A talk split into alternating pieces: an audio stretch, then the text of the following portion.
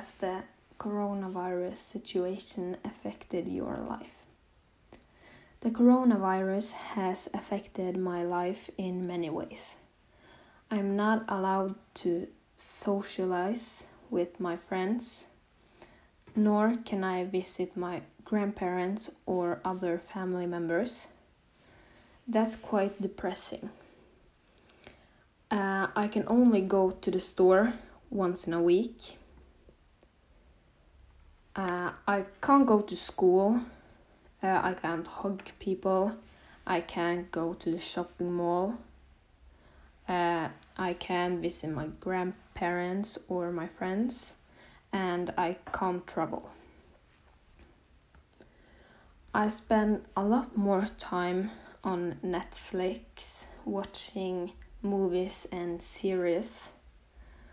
I also spend a lot more time with my closest family.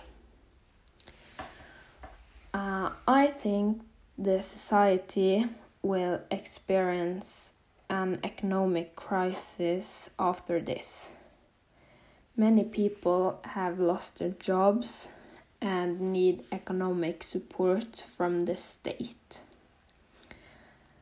I think it will be a lot more expensive to travel on holidays in the future, but I also think that we will appreciate the freedom of social life after this crisis.